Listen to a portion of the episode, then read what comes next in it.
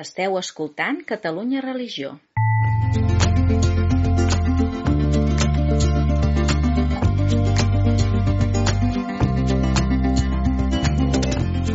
Converses en la frontera, un podcast de Gabriel Jaraba i Xavier Morlans.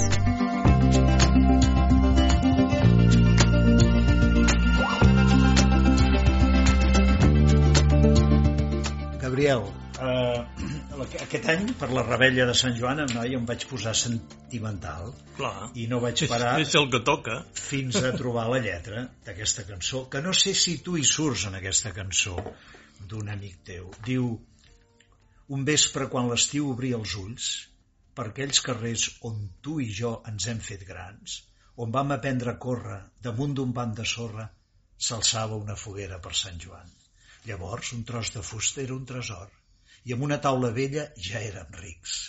Pels carrers i les places anàvem de casa en casa per fer-ho cremar tota aquella nit de Sant Joan. Érem quatre trinxeraires, no en sabíem gaire de les llàgrimes que fan que volti el món. Anàvem entrant a la vida, mai una mentida no ens calia i res no ens robava el son. Els anys m'han allunyat del meu carrer i s'han perdut aquells companys de jocs. El bo i el que fa nosa com si qualsevol cosa sembla que tot s'hagués cremat al foc de Sant Joan. I ara, aquesta vesprada, una altra vegada, veig els nanos collint llenya pel carrer. Corren, com jo abans corria. Els crido i em miren, com si fos un cuc estrany i passatger. Doneu-me un tros de fusta per cremar, o la prendré d'on sigui com ahir, com si no n'hi hagués d'altra. Jo he sigut com vosaltres. No vull sentir-me vell aquesta nit. Que un tros de fusta torni a ser un tresor, amb una taula vella sigui ric. Pels carrers i les places aniré de casa en casa per fer-ho cremar tot aquesta nit de Sant Joan. És un gran poema. És un gran poema escrit per Joan Manuel Serrat, però la cançó, la música no és ell. No, la música era d'un duet que eren coneguts com a Juan i Junior i eren Juan Pardo i Junior Morales, que van ser fundadors del grup eh, Los Brincos i que en aquell moment doncs, eren, es van llançar com a duet per la companyia de discos Zafiro, que va ser la companyia en la qual va fitxar el Joan Manuel quan, quan, va, quan es va decidir a, a cantar en castellà i aleshores van fer un experiment que jo crec que va ser molt, molt útil perquè tothom creu que la música és el Joan Manuel Serrat i és, i és el Juan i Júnior. Això parla del poble sec, Mm, exacte. de les sí, sí. fogueres de Sant Joan del poble sec. Exacte, I tu sí, hi sí. eres per allà. I Sí, i jo hi era, diguem-ne, en un carrer que s'encreuava amb el del Serrat, el carrer del Serrat era el carrer Poeta Cabanyes, i el meu carrer era el carrer Elcano. I entremig hi havia Encisa, també, ja que Ostres, parlem de ostres. cantants, i de, i de Sant Joan, la seva, el, el, seu paper protagonista a l'obra eh, Nit de Sant Joan, de Dagoll de Gom, on ell fa d'artista i canta, Sí, de coca. Eh, fa de coca, Va vestit exacte, de coca. exacte, i que l'esperit és el mateix Sí. que aquesta cançó, doncs el Cissa, o Santi, com li dèiem aleshores, doncs vivia al carrer Poeta Cabanyes eh, en aquest, eh, una, una cantonada abans que, que el Serrat i anava doncs a les tardes a berenar eh, xocolata desfeta a la, a la granja Gustems, que estava al carrer Tapioles, que era on jo anava a escola, i que la, la filla de la, de la granja, la Mercè Gustems, doncs encara ens comuniquem per un grup de Facebook, eh, doncs tranquil·lament recordant aquestes èpoques. Aquest, eh, eh, la gràcia d'aquest eh, cançó és que és una cançó col·lectiva, Eh? És una cançó on ell parla eh, d'una manera lírica dels seus records, però tota l'estona s'està adreçant al, al, a l'oient o al lector, li està dient eh, que tu i jo ens hem fet grans, eh, eh, jo, jo he estat com vosaltres, hi ha sempre hi ha un diàleg aquí implícit molt, molt interessant perquè està volent cridar en aquesta memòria col·lectiva i en aquesta mm, sensibilitat comuna que un no sap mai perquè la vida és molt rara, eh, un no sap mai si els records són realment eh, testimonis mentals d'allò que va succeir o són reconstruccions fetes a mida segons la necessitat del jo en aquest moment. És un duc que jo crec que cal tenir sempre. Jo, que era un infant als mateixos anys al poble de Llinars del Vallès, Llinars del Vallès, i encara recordo quan un va dir necessitem la perxera la primera vegada que vaig sentir la paraula perxera era el pal central ah, que permet. Clar. Bueno, jo t'haig de dir que aquest, aquest Sant Joan del 2023, a l'arribar aquí al final, jo he sigut com vosaltres, no vull sentir-me vell aquesta nit, com tros de fot, jo vaig plorar, tu. Sí, sí, sí, sí. I per què passa això? Perquè, eh, a veure, la, la poesia catalana té un component sentimental uh -huh. molt curiós, però no és un component sentimentaló gratuït. Jo, per exemple, sóc un gran entusiasta d'un autor que era en Josep Maria Folk i Torres, sí. el que escrivia les pàgines viscudes, el sí. patufet. La gent se n'en fot avui dia. El folquitorrisme, eh? com deia l'amic Joan de Sagarra, el patufetisme, l'aninisme. ja, ja, saps? Ja, ja. Sí. Eh, a veure, hi ha una, hi ha, una, hi ha un corrent a la literatura catalana que és mm, Carles Riba, eh? Eh, i, i, que, i que se'n va molt enllà i se'n va i, i, i Serrat el que fa és Serrat és una esponja, com a mínim ho era en aquell moment. Ell absorbeix molt, molt tot el que ell ha rebut, tota la formació literària i cultural de Serrat eh, és la, la, la prem per absorció, per contacte. Serrat és un tio amb el qual tu te'n vas a un, a un país, el que sigui o te'n vas a un lloc i al cap de cinc minuts està parlant com parla parlant estan allà eh? el mateix to de veu, les mateixes expressions, i a vegades hem comentat, no dius, ostres, recordo quan ell va anar a Argentina per primera vegada, quan va tornar, va tornar exultant perquè dia, he trobat un lloc que és com era el meu barri, no? Clar, I el Poble Sec és un barri que ha arribat a tenir una certa categoria mm, jo crec que excessivament mitificada, no té cap cosa més especial, diguem-ne, que la prosperitat o que els penitents, per dir-ho d'aquesta manera, però sí que ha quedat una mica com un barri que va ser una prova de que era possible aquella eh, Catalunya d'un sol poble on eh, immigrants i naturals eh, es fonguessin en el si de la classe treballadora amb un sol poble. El Serrat és fill, és el fill de la Manya, eh? i el seu pare, en català, era un obrer, un treballador de la catalana de gas. No? I deia, mamá, ¿de dónde somos nosotros? De donde comen mis hijos, no? Exacte. La famosa frase de la... Exacte, i, de quina, la, i quina raó tenia. I el Serrat el que fa és eh, assimila molt bé. Mira, aquest senti aquesta sensació de sentiment, per exemple, és la trobes exactament igual al mm, aquell poema de Nadal del Salvat Papaseit. Del eh? sí, sí.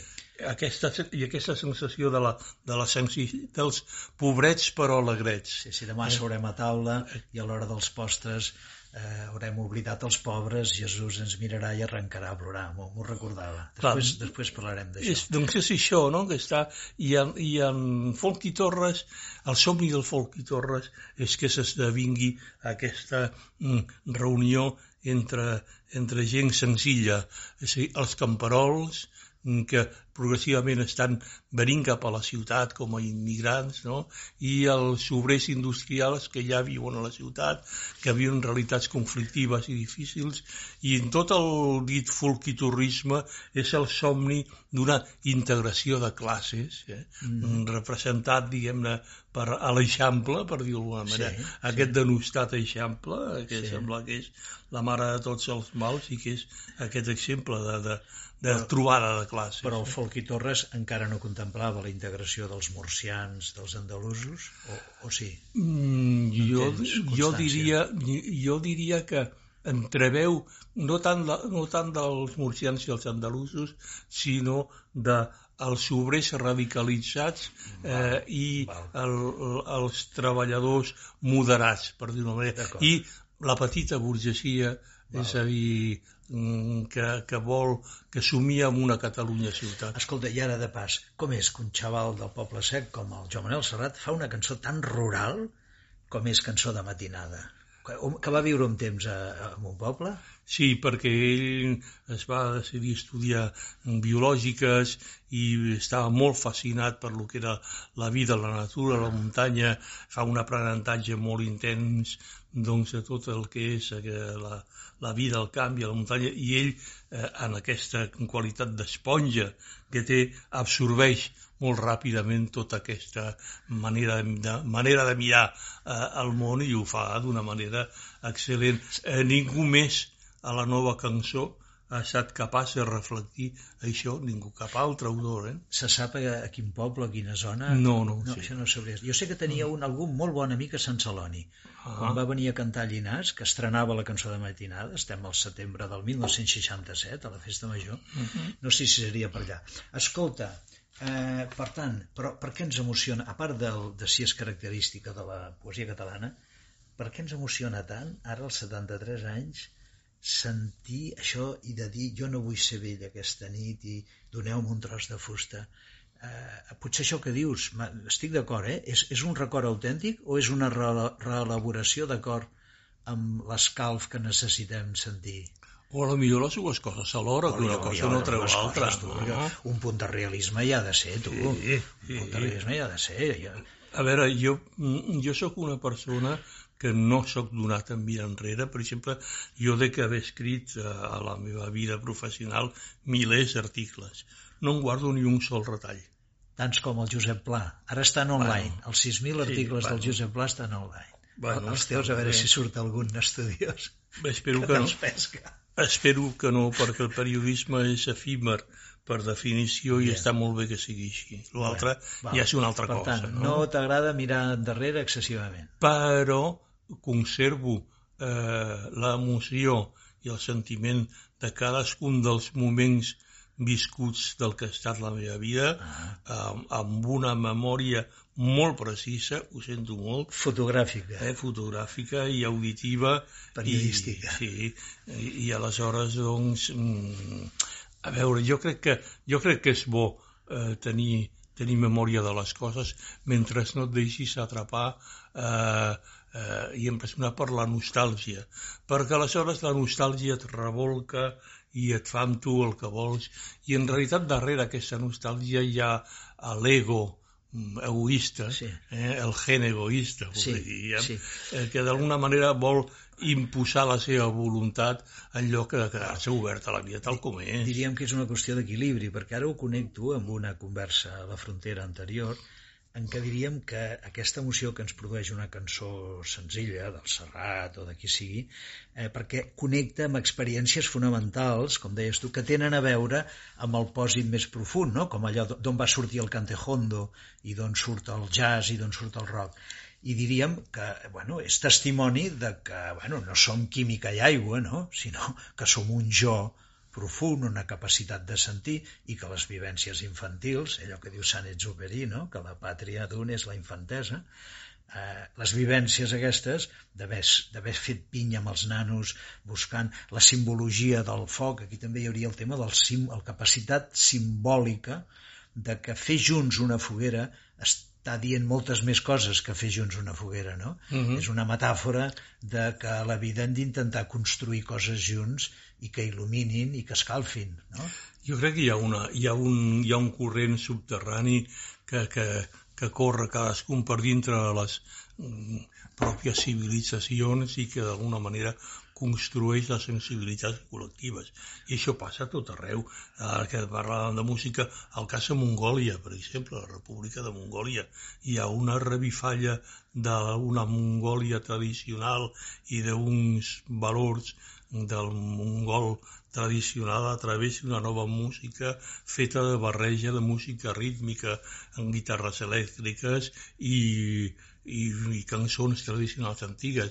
Així que diem aquí el rock català, Sí. doncs hi ha el rock mongol. Ara, actualment. Sí, sí, sí. Ostres, sí, sí. o sigui I, té, I té un èxit descomunal, no? I com tu fas per seguir ara el que fan a Mongòlia? perquè tinc amics i simpatitzants de, de, de races mongoles, sobretot a Buriàtia, a Sibèria, a Ulan Ude, on hi ha una gent extraordinària. Hi ha una associació de xamans, per exemple, Ah. que tenen la, la, la, el seu col·legi professional, Sí, eh? sí, i sí. que un espera que sigui una gent molt exòtica i molt rara, i el que són doncs, el, el senyor de la ferreteria, la senyora que treballa a la granja de la llet, etc. Escolta, eh, tornant al poema aquest de Sant Joan, i tu ja ho has insinuat a l'establir un cert lligam entre Serrat i Salvat Papaseit, es podria parlar, i a veure, vull ser molt precís, no? perquè com a capellà i teòleg, que no sembla que ara jo vull batejar el Joan Manel Serrat, però es podria parlar, si no indirectament, d'un rerefons en algunes lletres, un rerefons cristià de les lletres. Per exemple, quan diu llavors un tros de fusta era un tresor i amb una taula vella érem rics. Aquesta idea de que amb poca cosa es pot ser ric em sona molt a les benaurances de Jesús i, de la, i benaurats els pobres, la de Lluc, que és els pobres a seques, no? perquè vostre és el regne de Déu. No sé si estic tirant massa la sardina a la meva brassa o com ho veus tu que ets un coneixedor a fons de, de l'obra de Serrat. No, és que el, que el que jo veig és molt més senzill. És a dir, tota la cultura europea i occidental Val. està eh, atravessada per Val, això. val, és val, el que, que, I és lo normal, perquè és d'on venim i com ens expressem i com es formen aquestes sensibilitats. Quan hi ha hagut intents de, de revertir això i de contradir-ho de manera amb una certa violència intel·lectual, eh, no, hem pres mal. Mm. M'explico? Mm, Mm. mm. Està molt bé que un surti eh, i digui eh, com la, com la Joana Dolores, eh? Sí. la noia aquesta, que diu que jo la segueixo molt per Twitter i diu yo estoy aquí diu, para dar testimonio de la lucha de clases. Jo l'escolto i dic, cony, i dic, jo també. Molt bé, molt bé. Però hi ha en el fons tot el moviment obrer, tot el moviment obrer a Europa, eh, no sé altres llocs, eh, eh, estic pensant amb la, amb la Xina i estic pensant en Vietnam, però tot el moviment obrer a Europa està eh, basat en una sensibilitat i amb una lògica, per dir-ho d'una manera, cristiana Va. perquè aquests pobres de les benaurances eh, mm, són els protagonistes de la cançó La Internacional d'en Peus, Sí. els damnats a la terra Sí. d'en Peus, el o, o els miserables, els miserables, miserables. Del, del... que per cert el, el, l'autor de la Internacional era igual que el de la, de la Marsellesa, un destacat membre de la francmaçoneria francesa i molt actiu aleshores. Aleshores sí, aquestes, les Val. lògies obreres estaven molt, Val. molt animades. És a dir, que estem en un entorn molt, molt, molt complex i que de vegades volent-lo aclarir el compliquem més. Les coses són així. És a dir, i l'estrany seria que no fossin d'aquesta manera, no? O sigui, no és, no és anar a buscar un especial, en aquest cas, eh, un especial interès, com per exemple el Bob Dylan, que va tenir una etapa cristiana i va produir dos o tres discos cristians, en el cas de Serrat, sinó, com dius tu, és, no, és que Serrat respira a la cultura europea, com Exacte. tot poeta, i per tant, com la mateixa Juana Dolores, reivindica el cristianisme i el llenguatge religiós i protesta en una, una, entrevista ara ja fa un parell d'anys quan li van donar el Premi Amadeu Lleve al llibre Bijuteria de que diu que s'està estigmatitzant la religió i el cristianisme i no es té present el valor cultural del cristianisme no? Bé, per tant, això vol dir que, que, que hauria de ser més normal, no? Que no no hauríem de fer... Esta, jo està fent ara aquesta operació quirúrgica d'extreure elements cristians a Joan Manuel Serrat, sinó al contrari, reconèixer que són peixos que respirem amb una aigua que ens agradi o no, és cristiana per, per, perquè ha amarat, no? perquè ha amarat aquesta, aquesta cultura i que això forma part ja de la cultura. Si, si, si traiem això, ens quedarem sense paraules, sense símbols per parlar, no? I ens quedarem sense una cosa, el pitjor, si no hi ha cultura cristiana, no hi ha declaració universal dels drets humans. Mhm. eh? És a dir, que no l'escriuen capellans, precisament, No. ni militants cristians de cap denominació. La inspiradora de la, de la, i perquè era una senyora, aquesta declaració, era l'esposa del president Roosevelt Mhm. era, i aleshores era una senyora doncs, que estava molt relacionada amb cercles progressistes de tipus teosòfic a la seva Sí, època. de tota manera va, van demanar el Jacques Maritain, eh, el, el Ah, teòleg neotomista ah. que va intervenir. Saps que van tenir molt problema perquè per redactar els drets humans l'any 48, no? Devia ser 47-48, acabar la Segona Guerra Mundial, primer, primer volien posar-se d'acord en què es fonamentaven. I aquí no es van entendre perquè cadascú tenia el seu fona- fonament. I al final van dir, escolta, formulem els drets, que estem d'acord que els tenim, encara que no estiguem d'acord en quina és la fonamentació, si és religiosa o és laica. I per cert, saps que hi ha una altra llista de drets humans pels països islàmics? Ah, mira que bé. Del Però- 48, eh? Però no havien quedat que, havia, que eren No. universals. No, però, és clar, en el món islàmic, dit en tot el respecte, no es pot dir que la igualtat entre home i dona. Ve, de, com diu, de la tradició cristiana, que diu el Gènesi 26, els va fer a imatge de Déu, els va fer eh, home i dona.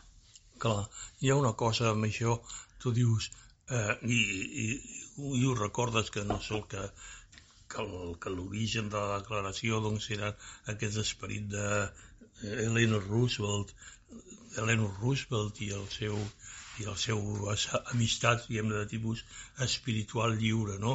I, però també de Jacques Maritain. I jo crec que aquesta trobada eh, és, no només és, era i és natural, sinó que és bona. Ha, i ha d'haver-hi una confluència i una convergència entre les diverses sensibilitats. Si parlem de... Ho podem dir, ho podem dir comunisme, però l'ecumenisme potser no, no es redueix simplement a una trobada més o menys formal entre diguem-ne, confessions formals com a tals, sinó un esperit, almenys a la meva manera d'entendre, un esperit prou ampli inclusiu.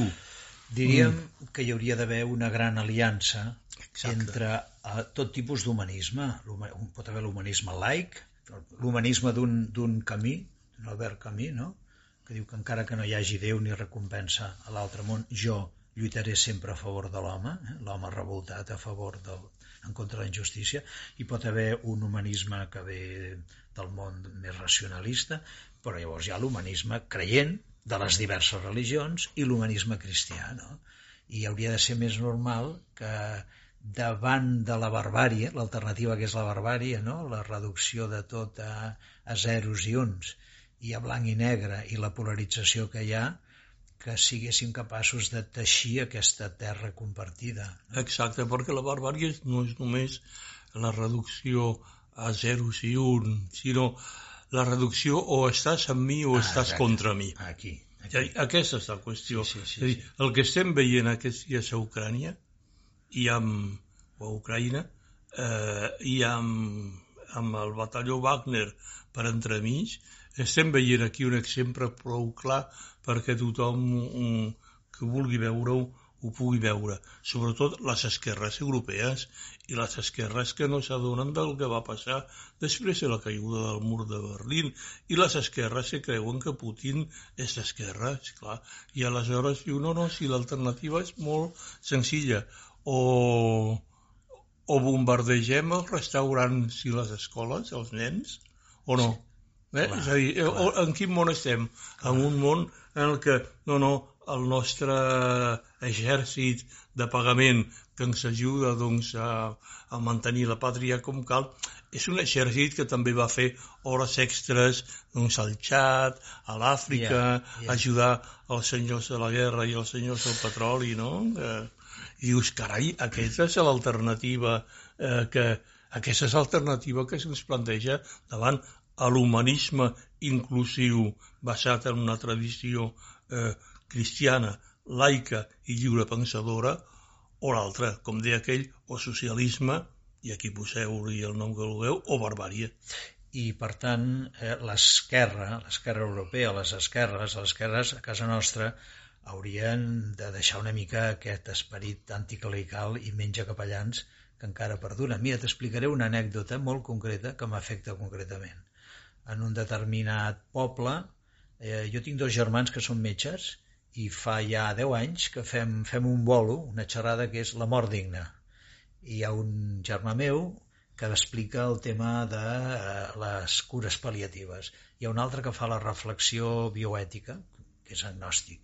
I jo faig una reflexió més filosòfica dintre de la qual hi poso l'alternativa cristiana. Bueno, doncs, eh, del Departament de Benestar i Família, que deu controlar Esquerra Republicana, eh, s'ha vetat la setzena eh, conferència que havíem de fer amb un casal d'avis, perquè no pot ser que si es dona l'opinió sobre la cristiana de la mort, després també haurien de passar a donar-la l'opinió jueva, l'opinió eh, islam. I he, estat vetat eh, i la veritat, bueno, és, és, és, està és molt una bé, realitat. està molt bé, eh, eh, perquè és un denotatiu no d'una posició ideològica, sinó que és mm, denotatiu d'una posició de mm, profunda ignorància. Exacte, Eh? sí, m'ho prenc més per aquí. A veure, és molt curiós, perquè ara la gent s'esvera d'això, de la comprensió lectora. És Sí. que ja ve de molt més abans. És que la, la, la manca de comprensió lectora Clar. és això. Val. Seria, és no entendre les coses. No sap llegir no és juntar les lletres, sinó ni posar una paraula darrere l'altra. Llegir és entendre el que allà hi vol dir amb totes les seves conseqüències. I el problema és que tenim unes, uns dirigents polítics i administratius, eh, sobretot administratius, perquè jo crec que tenim... Catalunya ha generat una classe administrativa pròpia molt interessant eh, que, que, que mereix un estudi, mm, i això hauríem de demanar-lo doncs, a, a científics socials com Albert Branchadell o Joan Escúlies o Jo- Jordi Amat, és a dir, hem, hem construït una, una classe mm, burocràtica que no són altra cosa que el que abans se'n deia saltar taulells. M'explico? Jo dic amb tot de carinyo i dedicat als que, als que tu t'han vetat. Com a persona d'esquerres militant, eh, tinc el plaer d'enviar-los a fer punyetes ara mateix. Però d'altra banda també tinc l'obligació de dir eh, família, hem de llegir i hem d'estudiar perquè no ens passi el que els hi passa a aquests pobres nois que no entenen res. Clar, si, si no hi ha cap informació religiosa, cultural, com podran en- entendre un text que d'alguna manera fa refer... ni que sigui referint-se a, a història de l'art, no? I per això no l'entenen. És que el drama i el problema és que no l'entenen. Recordo el Fèlix Sassua, eh, l'intel·lectual que va ser un dels fundadors de, del Partit Ciutadans, feia de, de, de professor d'art i estètica en l'escola d'arquitectura i ell em recordava doncs, eh, que estava ensenyant el, el, el quadre, una pintura de el descendiment de la creu, eh? y un alumno me pregunta, eh, ¿quién es ese tío eh, medio desnudo que aparece? Clar, dius, ostres, clar, estem en aquest, estem en aquest plan. És a dir, a veure si ho sé, si ho sé explicar. Hem corregut molt de temps, amb, mm, perdó, hem corregut molt de camí amb molt poc temps, és a dir, hem arribat a ser burros amb molt menys temps i amb un plaç, amb un termini de, de, de molt menys històric, molt més reduït del que, del que altres països ho han estat. Hem, som excel·lents en molta co- cosa, Catalunya li agrada veure's a si mateixa com un gran país excel·lent en tot, jo crec que som també excel·lents en borreria. Amics, eh, no tinguem por d'emocionar-nos amb un poema del Serrat, del Llac o de la Marina Rossell i acceptem amb naturalitat que hi ha molts vímets d'aquesta cultura europea que tenen aquesta venen d'aquest filó de l'Evangeli. Fins la propera.